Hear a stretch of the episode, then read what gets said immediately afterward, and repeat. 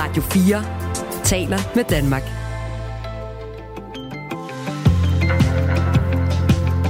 Velkommen til Radio 4 morgen.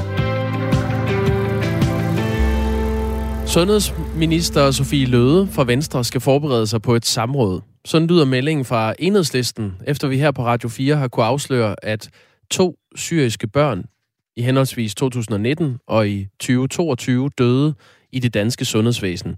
Og i begge sager har lægefaglige eksperter peget på, at sprogbarriere har været en øh, medvirkende årsag til, at det er gået så galt. Der er nemlig ikke øh, brugt tolk i forbindelse med undersøgelser af de her børn op til, at de døde. I går kunne vi fortælle om 8-årige Ayam, der mistede livet efter et hjertestop hos sin praktiserende læge i øh, Haderslev Kommune, som følger et astmaanfald. Det skete sidste år. Lars Bjergum, som er praktiserende læge og professor i almen medicin på Københavns Universitet, har øh, vurderet det her forløb for Radio 4 og siger sådan her om den sag. Kommunikationen, den er helt afgørende, og den er jo i den grad gået galt. Jeg vil sige, at vi har her med et fatalt tilfælde, der skyldes primært dårlig kommunikation på grund af sprogbarriere. Her til morgen kan vi så fortælle om endnu en sag, der endte tragisk tilbage i 2019. Her døde en treårig syrisk dreng af akut leukemi, selvom forældrene gentagende gange opsøgte læge, og det på trods af, at flere end 90 procent af børn, der får konstateret akut leukemi, overlever i Danmark. Sagen er blevet afgjort i Styrelsen for Patientklager, hvor to læger fik kritik for ikke at udføre en grundig nok undersøgelse, og for at ingen af dem bestilte en tolk, selvom der var den her udtalte sprogbarriere mellem øh, det sundhedsfaglige personale og forældrene. Peter Velblund er sundhedsordfører for Enhedslisten. Godmorgen. Godmorgen.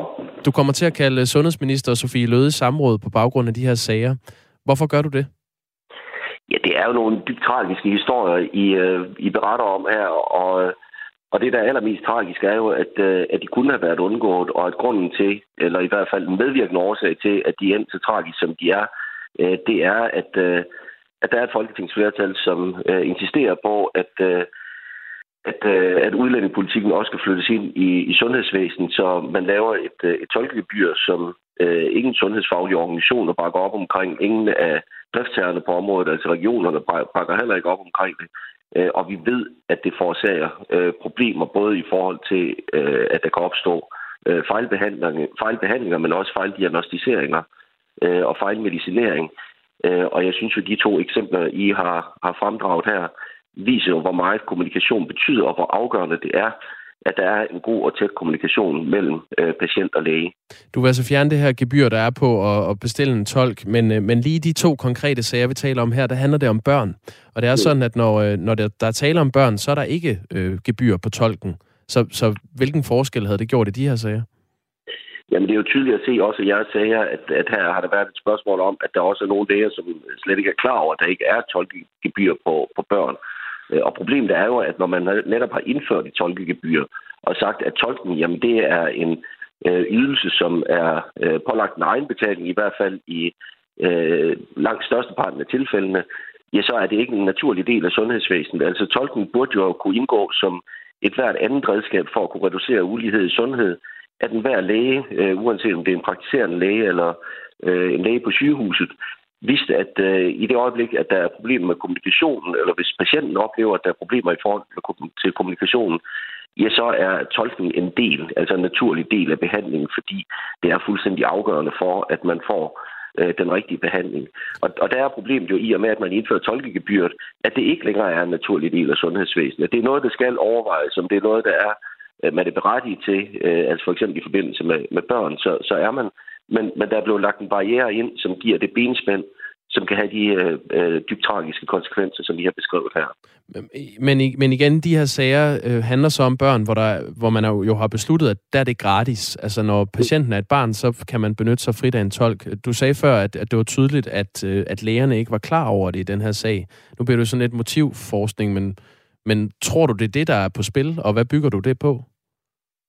Jamen, det, der er jo tidligere lavet undersøgelser fra både Lægeforeningen og Institut for Menneskerettigheder, som har belyst konsekvenserne af tolkegebyret. Øh, og det er jo blandt andet også med den baggrund, at der, der ingen, altså som i ingen sundhedsfaglige eksperter eller organisationer, som bakker op omkring et sundheds, øh, undskyld, et tolkegebyr. Altså den eneste grund til, at det er indført, er, af øh, udlændingepolitiske årsager. Altså, det er for at, at lægge øh, endnu et, et benspænd ind fra, for, for folk, der, der kommer med en anden etnisk baggrund. Og det er jo klart, at det skaber den usikkerhed i, i sundhedsvæsenet, som også fremgår af, af de øh, afdækninger, som, som Lægeforeningen Institut for Menneskerettigheder har lavet, at der bliver den usikkerhed i forhold til, jamen, hvordan er det nu med tolkning? Øh, er det noget, der, der er en egenbetaling? Er det noget, hvor vi efterfølgende skal sende regningen ud?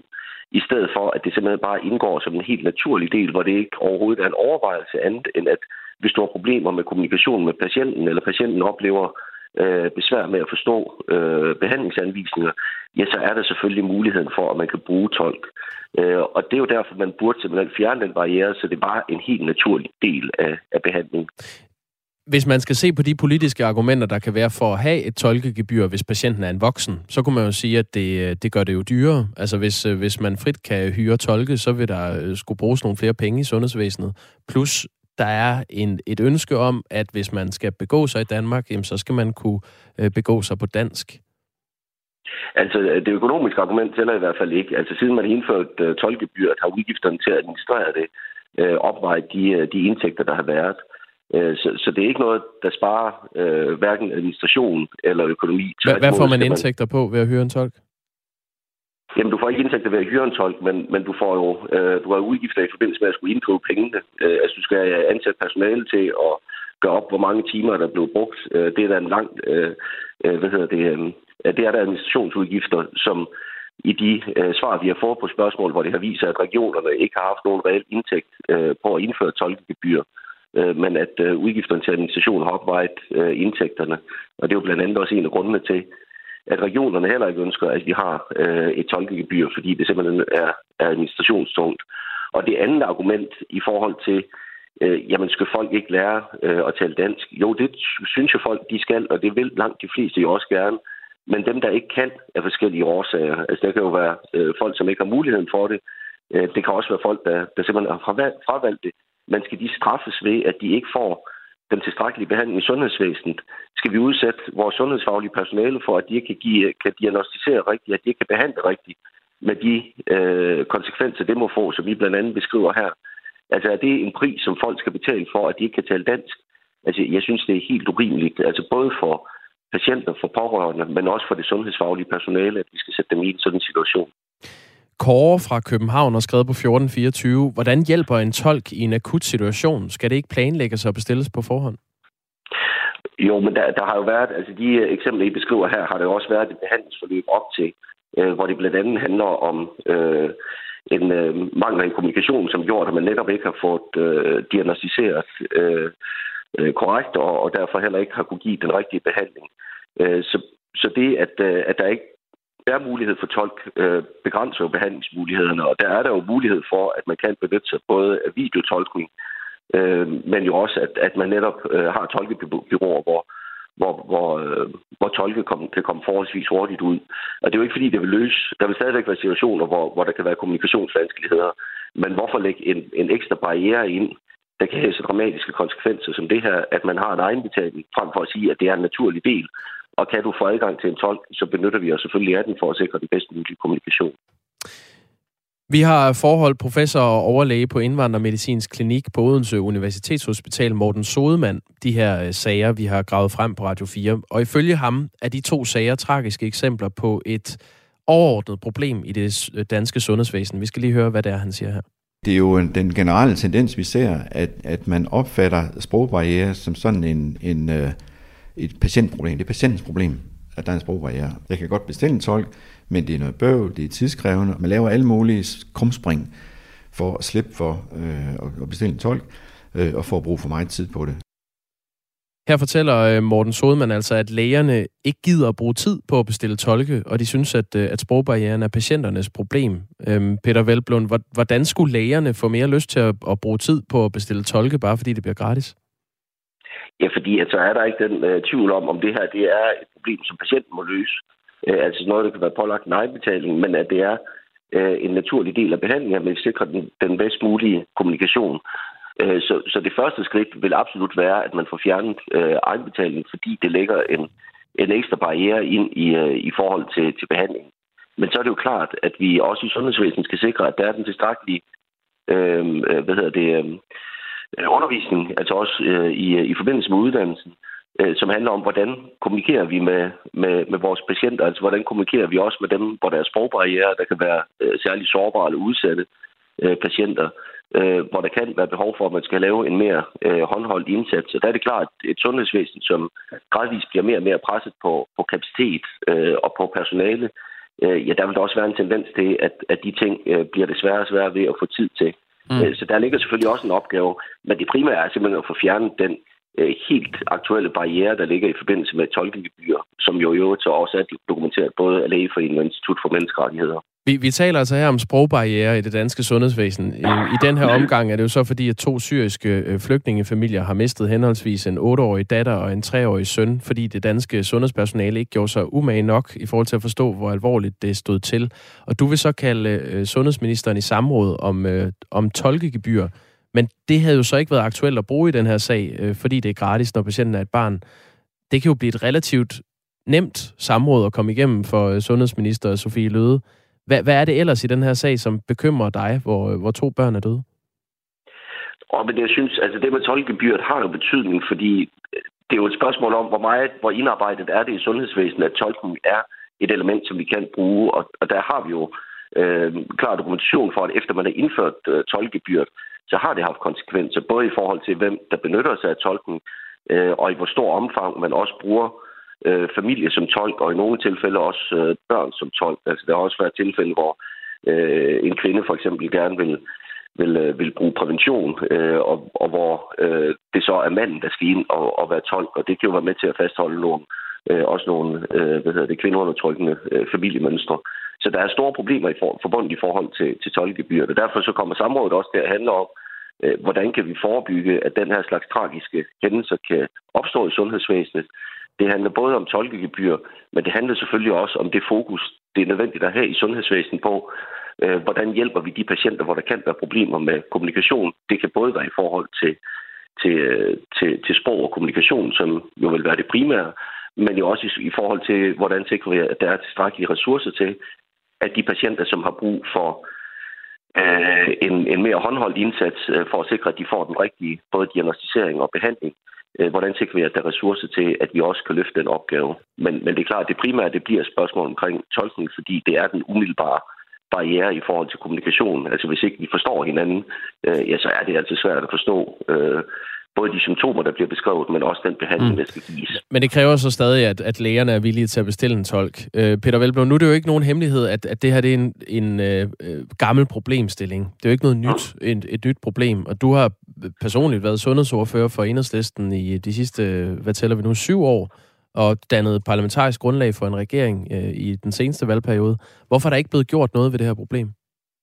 Ja, det, altså, det er ikke, fordi vi ikke har gjort opmærksom på det. Altså, det her det bliver ikke det, øh, det er ikke det første samråd, jeg har omkring øh, den her problemstilling. Altså, sent som for, øh, jeg tror, et halvt år siden havde vi både øh, under den tidligere regering, både sundhedsministeren og udlænding- og integrationsministeren i samrådet for at høre, hvad, hvad begrundelsen er for, at man indfører øh, et gebyr, som udelukkende har negative konsekvenser. Øh, så, så vi kommer til at fortsætte med, med med kampen for at fjerne øh, tolkegebyret. Men, men når det stadigvæk er der, så er det jo fordi, at der er nogle øh, partier, som øh, altså af rent der skærer ideologiske årsager ønsker at lægge øh, byråkratiske benspænd ind, hvor man ønsker at føre symbolpolitik på udlændingeområdet, føre det ind i sundhedsvæsenet øh, og bruge sundhedsvæsenet som en, en kampplads til at øh, genere mennesker med, med anden etnisk baggrund. Ja, eller også så øh, ønsker de, at, at de, at mennesker med anden etnisk baggrund skal kunne begå sig på dansk i det danske samfund. Hvad, hvad vil du gøre ved det? Altså deres øh, øh, pligt og evne til at, at tale dansk? Men hør nu her, det har vi jo netop spurgt efter. Er der nogen som helst dokumentation for, at det her det får flere til at, at, at tale dansk? Og det er der ikke. Det sætter tværtimod borgere, som er i en forvejen udsat og sårbar position, i en endnu mere udsat og sårbar position, der gør, at deres muligheder, øh, deres overskud til at kunne lære at tale dansk, bliver mindre. Øh, så det hjælper ikke i forhold til at få flere til at, tale, til, at, til at lære at tale dansk. Jeg er fuldstændig enig. Jeg synes, det er en klar målsætning, at så mange som muligt skal lære at tale dansk. Det gør vi bare ikke. Vi får dem ikke til at lære at tale dansk ved, at vi sørger for, at de får en dårligere behandling i sundhedsvæsenet, at de bliver straffet ekstra, og at læger ikke øh, kan tilbyde den rigtige diagnostisering eller behandling. Så, så jeg er helt enig i målsætningen om, at flere skal lære at tale dansk. Vi gør bare det stik modsatte ved at have tolkegebyr. Peter Velblom, lige her til sidst. Øh, vi, vi taler jo om det her på en meget ulykkelig baggrund. Det, det handler om to børn, som er døde af lidelser, mm. som øh, man normalt godt vil kunne helbrede. Øh, hvor peger pilen hen? Altså, hvis ansvar er det her? Er det lægerne? Er det jer på Christiansborg? Er det ude på sygehusene, den er galt? Altså, nu, jeg tror, det er svært at placere et ansvar øh, sådan 100% et sted, men der er ikke nogen tvivl om, at her ligger der øh, et stort ansvar også på Christiansborg i forhold til den lovgivning, der er. Øh, altså, jeg ved jo ikke, om det har haft en, en konkret betydning, øh, fordi i de to tragiske tilfælde her, at tolkegebyret havde været afskaffet, men det havde i hvert fald givet den sikkerhed, at øh, en læge ikke skulle være i tvivl om, at man kunne have, få tolkebistand, hvis der var problemer i forhold til kommunikationen. Øh, at, øh, at hvis øh, man vurderede det, eller hvis øh, patient eller forældre vurderede, at her er vi svært ved at forstå kommunikationen, så kunne man bede om at få tolkebistand, så man kunne sikre, at kommunikationen havde været bedre. Så efter min opfattelse, så vil det have minimeret risikoen for, at vi har stået med de her to tragiske tilfælde øh, betragteligt, hvis vi havde gjort det. Øh, og det her er jo netop bare et konkret, eller konkret eksempel på, at tolkegebyret kan medvirke til, at, øh, at vi kan miste øh, menneskeliv.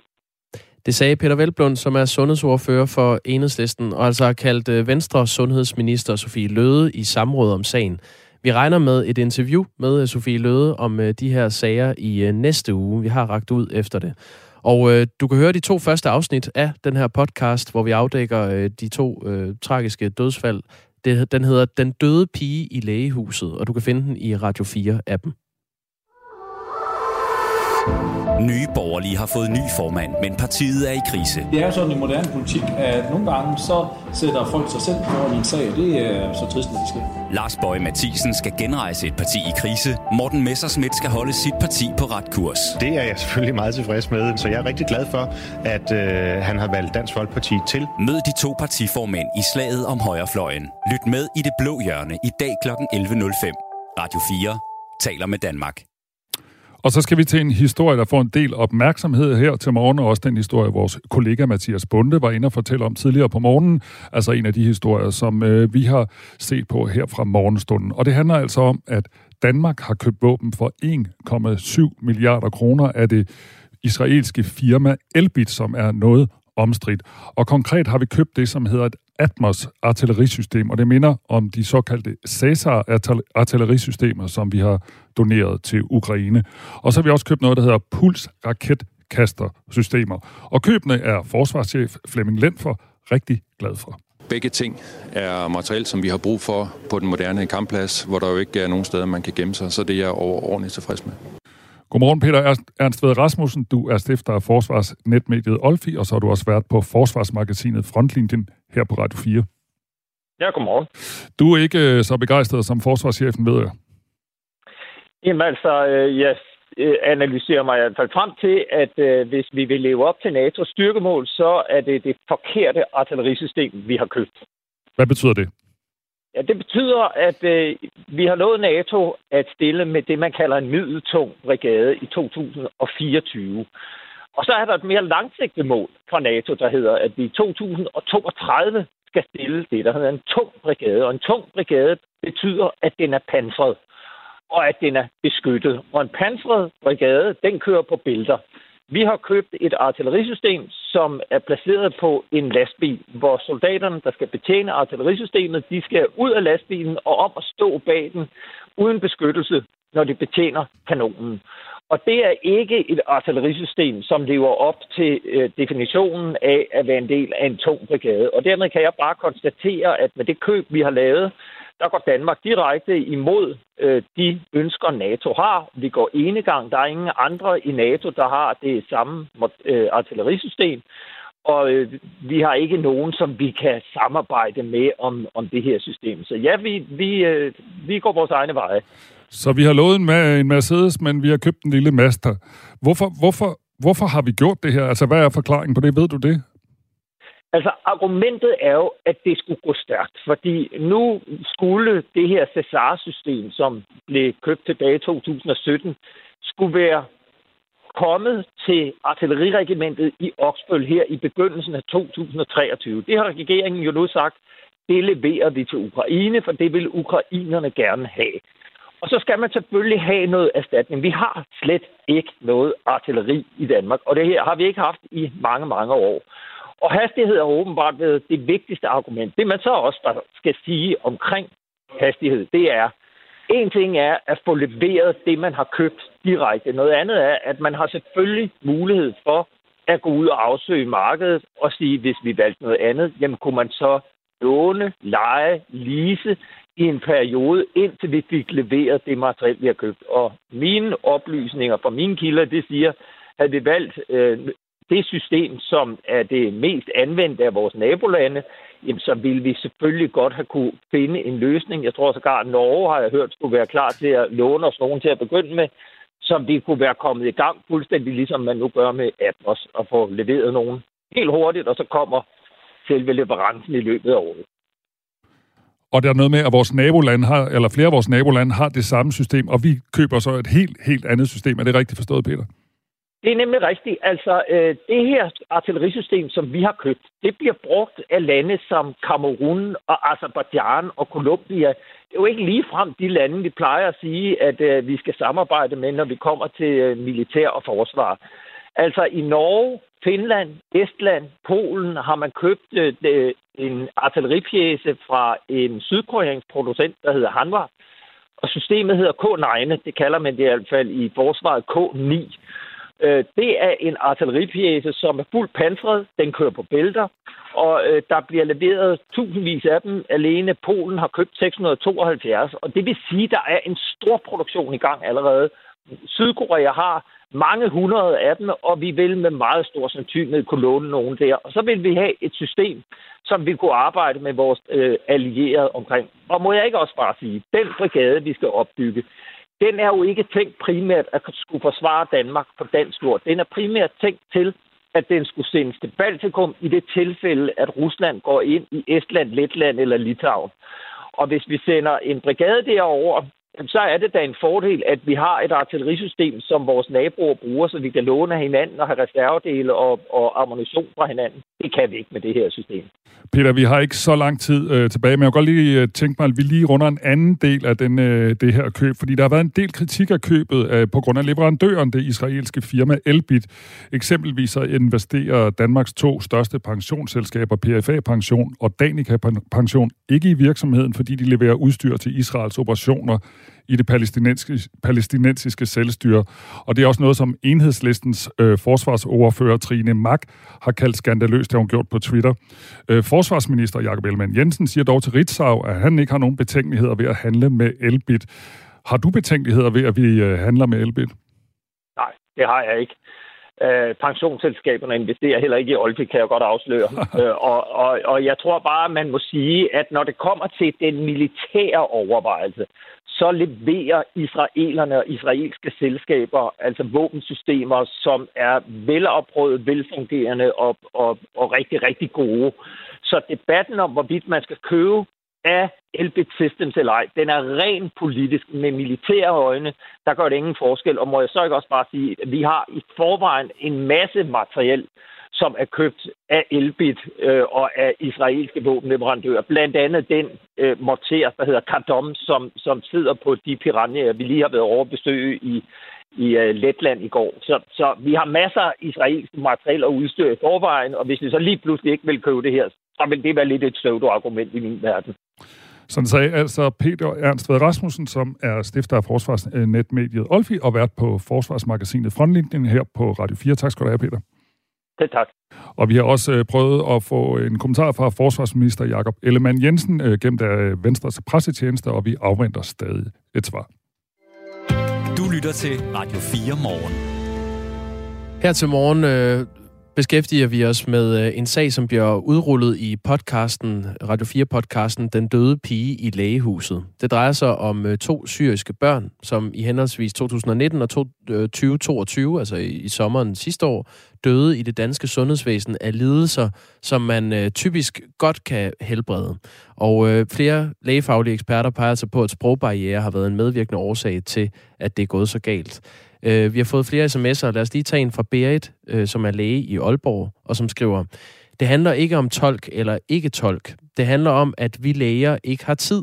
Vi har ikke tid, eller vi tager os ikke tid til at gøre vores arbejde ordentligt. Vi kommer til at høre mange eksempler på lignende, men ikke blot udlændinge, men alle patienter lever livet farligt i vores sundhedsvæsen øh, med det kollaps, vi er vidne til nu, og det er kun starten, skriver Berit fra Aalborg. Du må gerne skrive ind, hvis du har holdninger eller erfaringer med den her sag på øh, 1424. Vi skal nok øh, genbesøge sms'en på den anden side af nyhederne, men nu er klokken blevet halv otte. Nu er der nyheder på Radio 4. Det skal være nemmere at tage betydningen for natur og miljø med i regnestykket, når politikerne på Christiansborg skal lave økonomisk politik. I dag præsenterer forskere fra Københavns Universitet to nye grønne regnemodeller. De hedder Grønt BNP og Grøn Reform. Den grønne BNP skal vise, hvad Danmarks bruttonational produkt ville være, hvis man regnede påvirkningen af miljøet med. Det fortæller Peter Birk Sørensen, som er professor i økonomi på Københavns Universitet og som har stået i spidsen for de to projekter. Vi kan se en stor forskel, for når vi trækker forureningsomkostningerne fra i, i det traditionelle BNP, jamen så får vi et grønt BNP, som ligger sådan over 10 procent lavere. Det svarer til, at det grønne BNP i Danmark er 250 milliarder kroner lavere om året, uddyber han. Den anden grønne regnemodel, Grøn Reform, kigger frem. Den kan blandt andet bruges til at vurdere omkostningerne for miljøet, når der laves økonomisk politik. Ja, og man kan bruge modellen til at beregne, hvad skal der til for eksempel, for at vi når vores mål om 70% drivhusgasreduktion i 2030. Ifølge Københavns Universitet er det planen, at regnemodellen Grøn Reform skal i brug i en række ministerier i løbet af 2023, blandt andet i Finansministeriet. Rasmus Paludan vil igen brænde koraner af. Nu tror han med at brænde en koran af foran Tyrkiets ambassade i København hver fredag, indtil Sverige bliver en del af forsvarsalliancen NATO. Det siger han til den svenske avis Aftenbladet. Rasmus Paludan har forværret forholdet mellem Sverige og Tyrkiet, efter at han i lørdags brændte en koran af foran den tyrkiske ambassade i Stockholm. Den tyrkiske præsident Erdogan har blandt andet brugt det som begrundelse for ikke at ville bakke op om et svensk NATO-medlemskab. Der er mange, som kan forvente at få energipenge tilbage. Danske energiselskaber skal aflevere over 1 milliarder kroner af deres indtjening, som har været ekstraordinær stor på grund af energikrisen. Det siger skatteminister Jeppe Brugs fra Socialdemokratiet til mediet Finans. Ifølge Skatteministeriet så får statskassen flest penge, omkring 800 millioner kroner, fra de fossile energiselskaber. Og forbrugerne får 400 millioner kroner retur fra elproducenterne fra et indtægtsloft, der er indført på strøm, især fra vedvarende energikilder. I landsbyen Vejrumbro ved Viborg var der i aftes et stort fakkeloptog for at mindes de to teenagepiger på 11 og 14, som søndag blev fundet døde sammen med deres mor i familiens hus. Der var stor opbakning fra borgerne, hvor næsten 400 deltog i fakkeloptoget. Også den lokale præst var med. Man går fra købmanden og hen til til huset, hvor, hvor de er, har boet og hvor de er fundet døde. Trine Munk Christensen fortæller, at folk var meget stille og eftertænksomme. Jeg havde sådan tænkt, at der ville være meget stille, når vi gik. Og det var der også. Der var sådan enkelt, der snakkede lidt, men det var jo det var meget stilfærdigt. Optoget sluttede i den kirke, hvor Trine Munk Christensen er præst. Det med at bryde op fra, fra fakkeloptoget dernede kan blive øhm, hvor går man så hen med, med den sorg, man er i lige nu? Politiet formoder, at den 49-årige mor slog sine to døtre ihjel og derefter begik selvmord. Vi har taget hul på en dag, som bliver tør med nogen eller en del sol og temperaturer op mellem frysepunktet og 4 graders varme. Vinden den er svag til jævn fra nord og nordøst. Du lytter til Radio 4 morgen. Husk, du kan skrive en sms til os på 1424. Og lad os lige begynde med at øh, gøre lidt reklame for en historie, vi har om cirka 20 minutter, fordi der er opstået en lille romance mellem to handfugle i Kværkeby, som ligger tæt på Ringsted. Ja. Du kigger. Ja, ja, ja sig noget mere.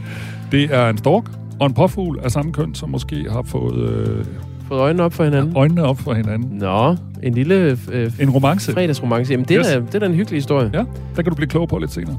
En, øh, en knap så hyggelig historie, i hvert fald set med, øh, med folkekirkens briller, er, at der er færre og færre, der går i kirke, og nu er der også øh, færre præster. Der, der er simpelthen mange kirker, der kommer til at mangle præster i fremtiden. Det mener Præsteforeningen, som derfor opfordrer regeringen til snarest muligt at invitere til forhandlinger med kirkens gejstlige, for at få sat gang i tiltag for at få uddannet flere kant-teoler.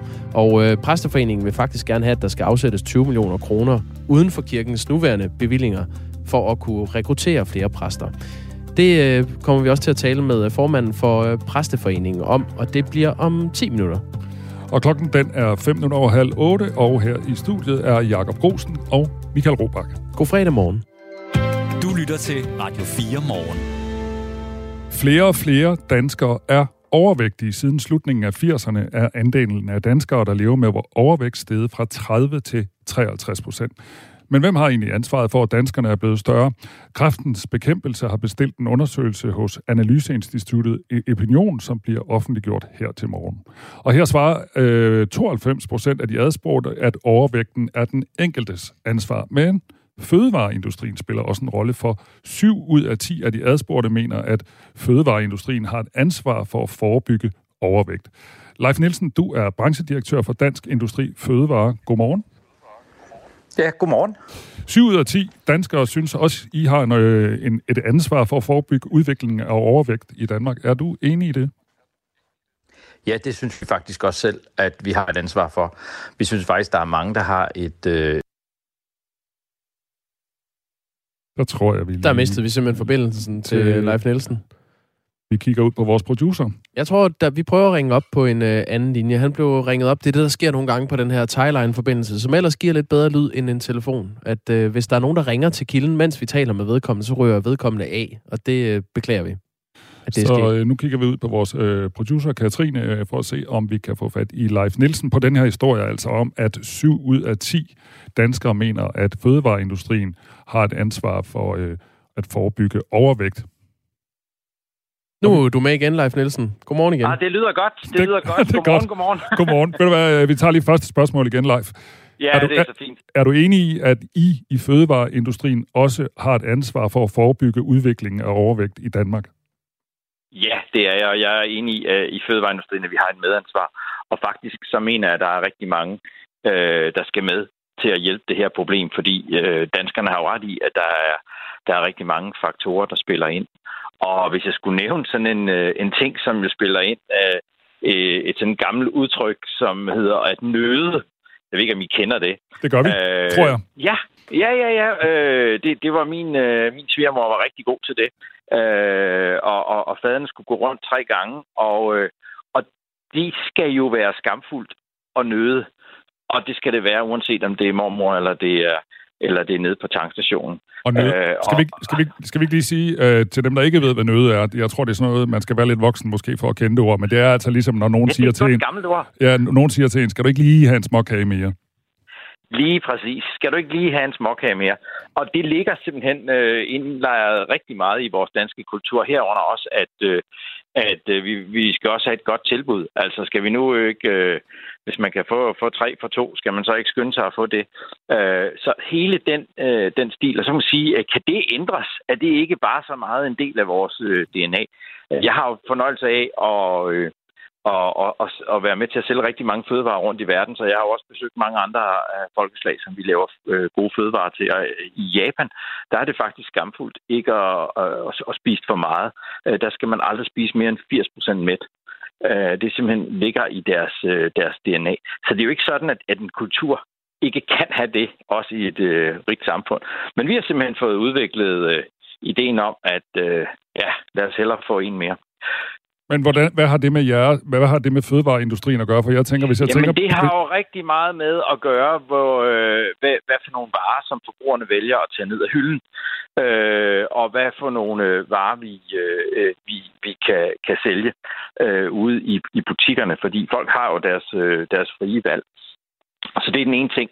Og, øh, og, og for at hjælpe det på vej, så har vi faktisk et projekt sammen med Kraftens Bekæmpelse, som vi har kørt i et par år, som øh, hedder Ja Tak, lidt mindre.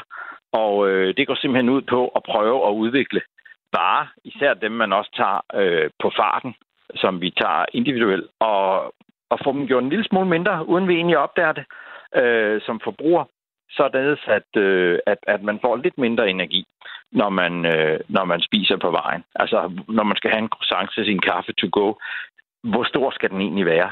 Det kunne godt være, at den skulle være lidt mindre. Og på den måde, så får man indtaget færre kalorier i løbet af dagen. Jeg troede egentlig, når varerne blev mindre for tiden, så var det fordi, I gerne ville tjene nogle flere penge. Ja, det er lige præcis det. Men varen koster stort set det samme at lave, øh, når, når varen den, øh, den bliver mindre. Og, øh, og det er fordi, at de fleste omkostninger, der, der går til en, en vare, der ligger derude, det er jo øh, det, det er, det er hele distribution og, og forpakning og alting. Det er faktisk ikke så meget selve, selve råvaren. Så derfor, så når en, en vare bliver 10% mindre, så bliver den ikke 10% billigere. Og det synes danskerne ikke er i orden. Øh, så det var derfor, jeg vendte tilbage til vores, øh, vores tilbudskultur og andet. Det bliver vi nødt til at lave om på, for der er jo ingen... Øh, det, det skal vi have en anden indstilling til. Men når jeg går ned og handler, så tænker jeg, at de varer, som I øh, sælger, de er jo meget ofte farvestrålende og se mig, og det her smager godt, og dine medlemmer laver også øh, tv-reklamer om alt muligt, og, øh, øh, og anpriser varerne, også dem, der er usunde. Så jeg tænker da, I nøder da helt vildt. Ja, det gør vi da. Øh, og, øh, og det er sådan, at, øh, at, at jeg siger også, at det er en del af den danske kultur, og vi bliver nødt til at lave om på den kultur i fællesskab. Det er jo sådan, det er. Fordi hvis ikke du, øh, hvis ikke, øh, hvis hele den, det ligger jo indlejret i vores, øh, i, i vores kultur, at, øh, at, at øh, det er den måde, som, øh, som vi vælger vores varer på. Og det er, jo, det er jo det, som der bør gøres op med. Det er jo meget enig med, med kraftens bekæmpelse i. Men den måde, I nøder på, det er jo blandt andet ved tv-reklamer og reklamer i det hele taget. Er det, du siger, det er, at I vil bruge mindre af den slags? Jeg, øh, jeg, jeg, er jo, jeg er jo øh, repræsentant for branchen, men, men øh, jeg kan sige, at vi er, har øh, for eksempel et adfærdskodex for, at man ikke laver den slags reklamer over for børn og sådan noget, så, øh, så, som er, er, er særligt udsatte. Men det handler for i virkeligheden ikke og det. Det handler også om, at, øh, at at det ikke bare er reklamerne i, i, øh, i, i tv, det er i virkeligheden øh, måden, vi køber vores varer på som sådan. Altså en, en stor folkesport blandt danskerne er jo også at køre, køre syd for grænsen og købe, købe varerne i meget store forpakninger, og det er der bestemt heller ingen grund til at gøre. Altså det, er, det, det, det ligger simpelthen i vores øh, kultur, og derfor så mener jeg, at det, der er den helt store ting, det er, at vi kommer til at arbejde sammen rigtig mange aktører, øh, for at hjælpe sig med at få ændret den grundlæggende kultur. Det er simpelthen vores madkultur der, og vores øh, tilbudsjagtkultur, der er med til at, øh, at, at, at skabe den adfærd. Sammen med selvfølgelig vores øh, ændrede motionsvaner, du og jeg, vi har jo sikkert et job, hvor vi taler mest i telefon som nu, og, og, og, og, og sidder ned og, og, og, og i grundlæggende for at lave lidt mindre, end vores, øh, vores forfædre gjorde. Og det er jo også en, en, øh, en udfordring at huske at komme afsted og få lavet, lavet motion. Så det er jo, det er jo et samlet billede Ja, men... Øh, øh, nej, men det, det er fordi, vi snakker om overvægt, ikke? Jo, men lad os lige vende tilbage til jeres øh, ansvar, fordi tidligere på morgenen, mm. der talte vi med Bjarne Lønnerup fra Frederikshavn, og han har det meste af sit liv kæmpet med overvægt, og når det kommer til fødevareindustriens ansvar i den her sammenhæng, så siger han sådan her. Det er jo ikke kun fødevareindustrien, det er også detailhandlen, som jo til sammen har sørget for, at der altid er de dårligste, hvis man kan sige, dårligste fødevarer, der er billigst øh, for mig at få fat i. Det er slik, det er pizza, det er chips og cola, der altid er på tilbud, der tiltrækker folk til butikken.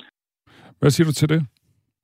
Men det har han delvis ret i, og det er faktisk derfor, vi arbejder med at udvikle Øh, vi jo prøver at udvikle varer, som, øh, som, som, øh, som er et sundt alternativ. Noget af det, der sker i vores kostforbrug øh, for tiden, det er jo, at vi, vi, vi, vi bevæger os væk fra, fra de der hovedmåltider og, indtager flere og flere kalorier på, som snack og på vejen.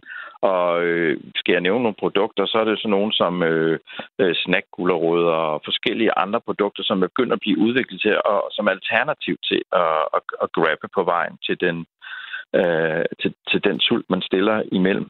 Og, øh, og det betyder også, at vi spiser mere og mere alene øh, rigtig mange måltider. Det er jo også en, en usand, eller i virkeligheden ikke helt alene, for mange spiser det sammen med en, og det er nemlig sin smartphone.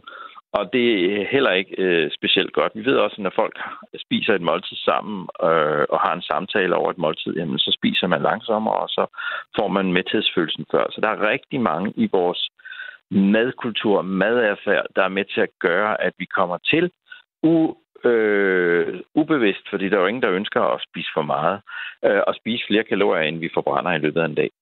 Vi har også her på Radio 4 Morgen talt med projektchef i Kraftens Bekæmpelse, Peter Dalum. Han ser gode takter fra fødevareindustrien. Blandt andet så nævner han det her samarbejde om kampagnen Ja tak lidt mindre, som du også nævnte før, som øh, Kraftens Bekæmpelse samarbejder med Dansk Industri Fødevare om. Det er en kampagne, der sætter fokus på vigtigheden af, at man blandt andet i fødevareindustrien tilbyder mindre portioner og pakkestørrelser på fødevarer. Men han understreger samtidig, at fødevareindustrien sagtens kan gøre mere, end tilfældet er i dag det er sådan, så vores portioner de sidste 30 år, de er jo sådan vokset og vokset og vokset. Øh, I dag er en sodavand i normal størrelse på individniveau, det er måske en halv liter, hvor det kun var en kvart øh, liter for, for 20 år siden. Øhm, så det er rigtigt, de er med i det, men jeg, vi synes jo, at det er vigtigt at vise, at der kan gøres rigtig meget, og der kan også, gøre, der kan også gøres rigtig meget mere, end der bliver gjort nu. Det siger altså Peter Dalum, og han har flere forslag til, hvordan man kan sætte ind skal blive bedre til at informere om, hvad det er, der er indholdet i produkterne, øhm, og også være med til at udvikle nogle produkter, der er mindre energi til det, øhm, og hvor, øh, hvor det er nemmere for forbrugerne at gennemskue, hvad det er, man får. Hvad siger du til de her forslag? Jamen, det er jo præcis det, vi øh, er rigtig mange, der er i gang med at prøve at, ud, at udvikle de der produkter, som er mindre energitætte øh, og, og tage på vejen. Og så skal man jo huske, at øh, det er jo en, øh, det er ikke nok. Fordi ved siden af det skal vi også have ændret vores øh, kultur. Fordi der ligger jo også andre produkter. Det er jo ikke kun øh, mine medlemmer, der producerer varer. Der har jo masser af andre. 40 procent af de varer, der sælges i Danmark, bliver produceret uden for Danmark og bliver taget ind af de distributører og detailhandlere, der er. Så, så vi, vi er jo i, i konkurrence, så, så øh, in the end, så er det jo os selv, og det svarer danskerne også, der, skal, der vælger. Og, og derfor så øh, prøver vi at gøre, hvad vi kan, blandt andet sammen med kraftens bekæmpelse og en masse øh, universiteter, og udvikle produkter, som har den velsmag, øh, som, øh, som gør, at man kan konkurrere med de mere energitætte produkter, at man kan lave nogle, øh, nogle øh, mindre energitætte produkter, især i de produkter, som vi talte om lige før, nemlig dem, vi, vi griber på vejen, øh, som, som mellemmåltider eller, eller, eller snacking, som det hedder på fagsprog. Sådan sagde altså Leif Nielsen, som er branchedirektør i DI Fødevare. Tak fordi du var med her til morgen. Velbekomme. God dag. En 8-årig pige kæmper for at trække vejret. Sådan som vi ser det i et lægehus. Ja, det er korrekt skift. På gulvet foran hendes far stopper hendes hjerte med at slå. Hvad er vi på vej til? Vi har fået bekræftet, at det er stop på et 8-årigt barn skift. Hvordan kan det ske? Vi kommer ikke til at udtale os om det, eller at du skal have noget agtindsigt herfra. Lyt til den døde pige i lægehuset i Radio 4's app, eller der, hvor du lytter til podcast. Radio 4 taler med Danmark. Færre og færre går i kirke. Det har Folkekirken kæmpet med i lang tid. Men øh, udover at mangle kirkegængere, så er der nu også risiko for, at kirkerne kommer til at mangle præster til at tage imod kirkegængerne. Øh, I hvert fald de kirkegængere, der nu kommer. Det siger Præsteforeningen, som derfor vil have, have regeringen til at hjælpe med at få flere præster. Pernille Viksø Bakke er formand for øh, Præsteforeningen og med os nu. Godmorgen. Godmorgen. Hvad skal regeringen gøre, synes du? Jamen, vi vil jo gerne have en, øh, en forhandling i gang med kirkeministeren, og også gerne med landets biskopper, sådan en trepartsforhandling om, hvordan vi kommer den her præstemangel til livs. Og vi har brug for en øh, pulje på 20 millioner til stifterne, så de kan rekruttere nogle flere præster og fastholde de præster, øh, som allerede er ansat i Folkekirken. Hvor mange præster mangler I? Jamen, vi mangler en del, fordi øh, der er gået øh, de sidste sådan fem år øh, cirka 650 præster på pensioner. Der er kun kommet 500 nye ind. Og, øh, og det kan godt være, at du siger, der, at folk ikke går i kirke, men folk øh, bruger kirken rigtig meget. Måske øh, sidder de der ikke nær så meget om søndagen, men de kommer til sovgrupper, de kommer til sovneaftener, de kommer til hverdagsgudstjenester, øh, de kommer til en lang række arrangementer i kirken, så der er også stor efterspørgsel på folkekirkens præster. Så det er ret kritisk, at øh, vi har så stor og voksende mangel på præster nu siger du, at danskerne bruger kirken rigtig meget, men er det ikke en, øh, en tilsnigelse? Altså, så vidt jeg ved, så er det primært øh, til jul og til begravelser og til dåb, at, øh, at danskerne indfinder sig i kirken, sådan som, som bredt øh, folkefærd betragtet. Er du uenig i det?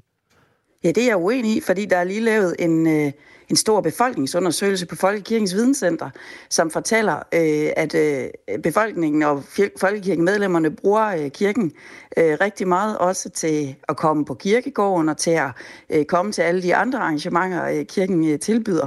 Så vi kan sådan set dokumentere, at der er sådan en øh, temmelig robust opbakning om folkekirken øh, blandt de 4,2 folkekirkemedlemmer, der er i Danmark. Det er øh, nemlig omkring 4 millioner danskere, der er medlem af Folkekirken, men antallet af færdiguddannede teologer er lavere end antallet af præster, der pensioneres. Og det er den øh, fremskrivning, I så laver, øh, at nu kan man se, at der kommer til at være mangel på præster i øh, fremtiden. Øh, Folkekirken fik i 2019 8,8 milliarder kroner i form af kirkeskat og bevillinger fra staten. Vil I have flere penge fra regeringen?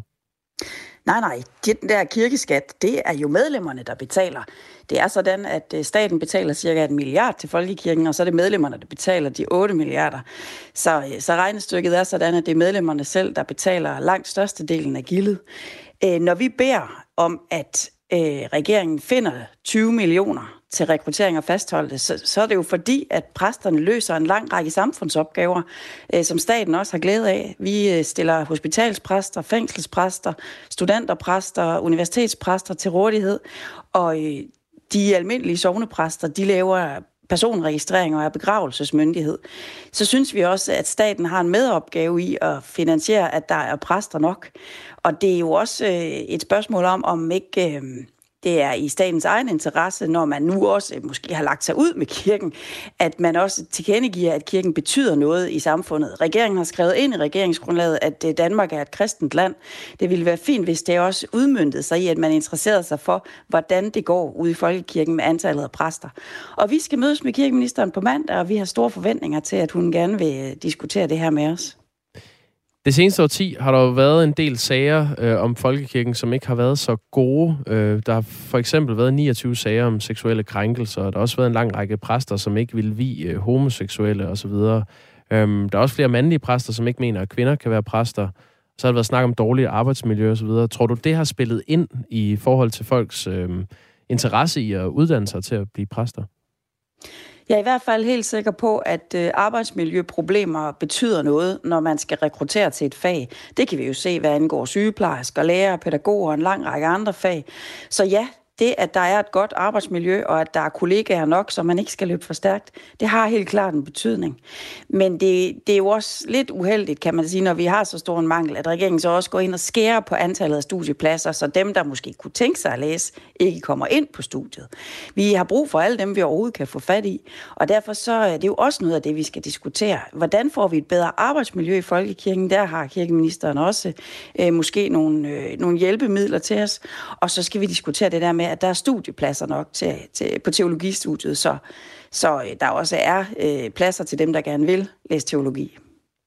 I vil altså gerne have afsat 20 millioner kroner årligt uden for kirkens øh, nuværende bevillinger til en pulje til rekruttering og fastholdelse af, af præster. Hvad er det, du frygter sker, hvis det ikke kommer til at ske, altså hvis regeringen ikke går med til det? Jamen allerede nu er der blevet længere til en præst, der var manglen er størst, og det går jo ud over både præster og menighedsråd at skulle skære ned i alle de der aktiviteter, som folk egentlig godt kan lide øh, at komme til i kirker og sovnegård. Og det går ud over sovegruppearbejde, det går ud over opfølgning på pårørende, når man har mistet et elsket familiemedlem, og det går ud over øh, det der, vi kan med at række ud til sårbare mennesker, der har brug for et sted at komme til. Ensomme ældre, sørgende, unge og par, der vil giftes. Altså, vi, øh, vi synes, det har store konsekvenser. I 22 måtte hver tredje af de stillingsopslag, der var, genopslås. Så det er ikke sådan noget med, at der er en præstemangel ude i fremtiden. Det er lige nu. Øh, og derfor skal vi også helst rigtig hurtigt have sat noget i værk. Kan man, kan man øh, dække de opgaver med færre præster, altså så, øh, så præsterne ikke øh, kan være så meget i hver enkelt kirke, men så kan dække flere? Man bliver i hvert fald nødt til at skære tingene til, og det er man jo allerede begyndt på. Man lægger pastorater sammen og øh, sovne sammen, så præster skal dække større områder. Øh, det, er, det er bare ikke holdbart i længden, og det er det, der også er problemet med arbejdsmiljøet, når folk bliver stresset og brænder ud, som de gør på det øvrige arbejdsmarked, og det er jo det, vi gerne vil forhindre, øh, at endnu flere skulle forlade faget, men i stedet for ønske sig at arbejde som præst, fordi det er faktisk verdens bedste job, når i øvrigt der er nok af os. Så lyder det fra Pernille Viksø Bakke, som altså er øh, formand for Præsteforeningen. Tak for at medvirke her. Selv mange tak. Og øh, vi har fået en sms øh, to. En fra Lars, der skriver, stop, ikke flere penge til præster. De må klare sig selv med de mange penge, de allerede får. Og så er der en fra Ellen, som har et andet synspunkt, der skriver, vi bruger kirken ved store menneskelige begivenheder. Jul, påske, konfirmationer, bryllupper, begravelser, bisættelser. Fuldstændig vigtige og nødvendige for danskerne. Klokken er 5 i 8. Du lytter til Radio 4 morgen. Og så skal vi til en mulig kærlighedshistorie, for i Kværkeby ved Ringsted er der muligvis opstået en lille romance mellem to hanfugle. Det er en stork, der har set sig lun på en påfugl af samme køn. Storken er i hvert fald ved at bygge en rede tæt på påfuglen på besøgsgården Lillebjerggård. Og jeg kan sige godmorgen til Jes Frederiksen, du er formand for Storkene.dk. Godmorgen. Er der tale om en romance, eller hvad tænker du? Ja, altså, jeg, jeg tror ikke, den holder længe, den romance. Øh, det håber jeg faktisk ikke. Øh, vi skulle gerne have øh, en, en, en rigtig med, altså en hudstork til, til handstorken der, så ikke øh, den, den øh, der kommer til at gå galt med, med påfuglen der. Men øh, lige nu der er de i hvert fald øh, meget glade for hinanden. De sidder tæt på hinanden hele tiden, og, og, og storken er simpelthen bygget en redde nu. Den er ved at være kommet langt med sit byggeri. Er det usædvanligt egentlig, altså at, at en stork, ja nu ved, nu ved jeg ikke, hvor ofte en stork og en påfugl møder hinanden, men er det usædvanligt, at storke sådan øh, kommer tæt på andre fugle?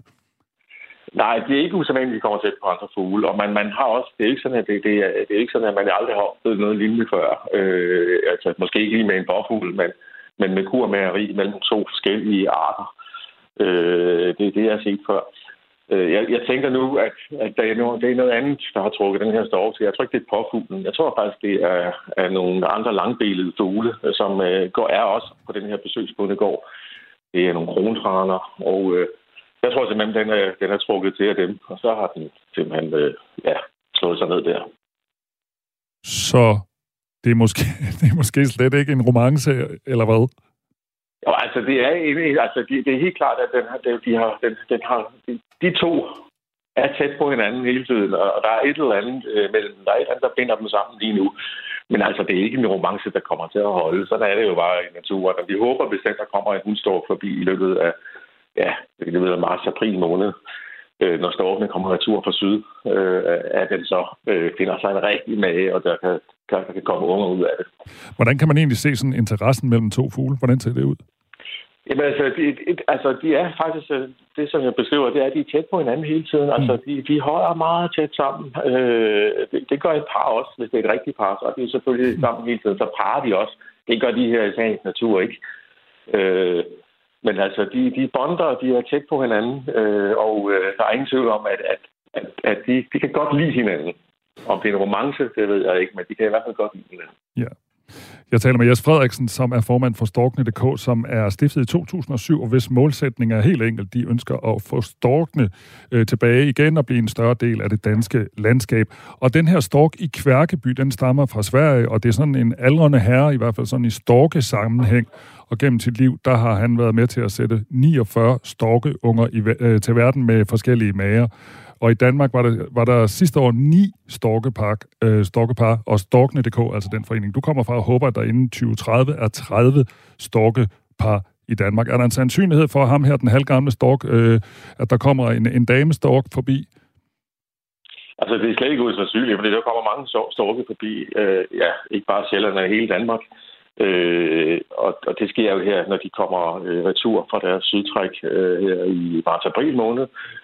Så det er, det er sandsynligt. Og, og storkebestanden i Tyskland er inde i en voldsom fremgang. Der er lige så mange storke i Tyskland, som der var i 1934. Der er 10.000 par nu. Og den her bestand, den begynder at brede sig op mod Danmark. Så kan vi håbe på, altså vi kan håbe på, at der sker noget, noget tilsvarende, så det der med, nej, storken er meget sjældent og alt muligt andet, det er, at det sådan bliver en mere almindelig fugl. Jeg håber, at i løbet af de næste 20-30 år, at øh, det er en mere almindelig fugl. Det tror jeg også, den bliver. Øh, den er allerede blevet lidt mere almindelig, end den var for 20 år siden hvor den var helt... Øh, ja, I 2008 blev den erklæret uddød. Øh, og kan man sige, så få år efter, der igen begyndte at ske en, en, en indvandring af storke. Så ja, vi håber, at øh, sammen med en masse naturgenopretning og, og til lige, at der kommer flere storke til Danmark. Tak fordi du er med her, Jes Frederiksen, som altså er formand for Storkene.dk. I går kunne øh, Helsingør Dagblad fortælle, at den daglige hejsning af Dannebro over Kronborg Slot skulle være slut fra årsskiftet. Man øh, mente, at man kunne spare en million kroner ved at droppe og, øh, og hejse flaget ved Kronborg. Og det ville øh, Jakob Engel Schmidt, som er landets kulturminister for Moderaterne, altså øh, ikke være med til. Han skrev på Twitter, at øh, det vil han finde en løsning på, og så gik der øh, meget kort tid, og så havde han fundet en løsning. Så det kommer altså ikke til at ske, at Dannebro ikke kommer til at veje øh, over øh, Kronborg Slot. Vi kommer til at tale med øh, kulturminister Jakob Engel Schmidt på den anden side af nyhederne, for lige at høre, hvad er det, han har øh, gjort, og øh, hvad skal det koste?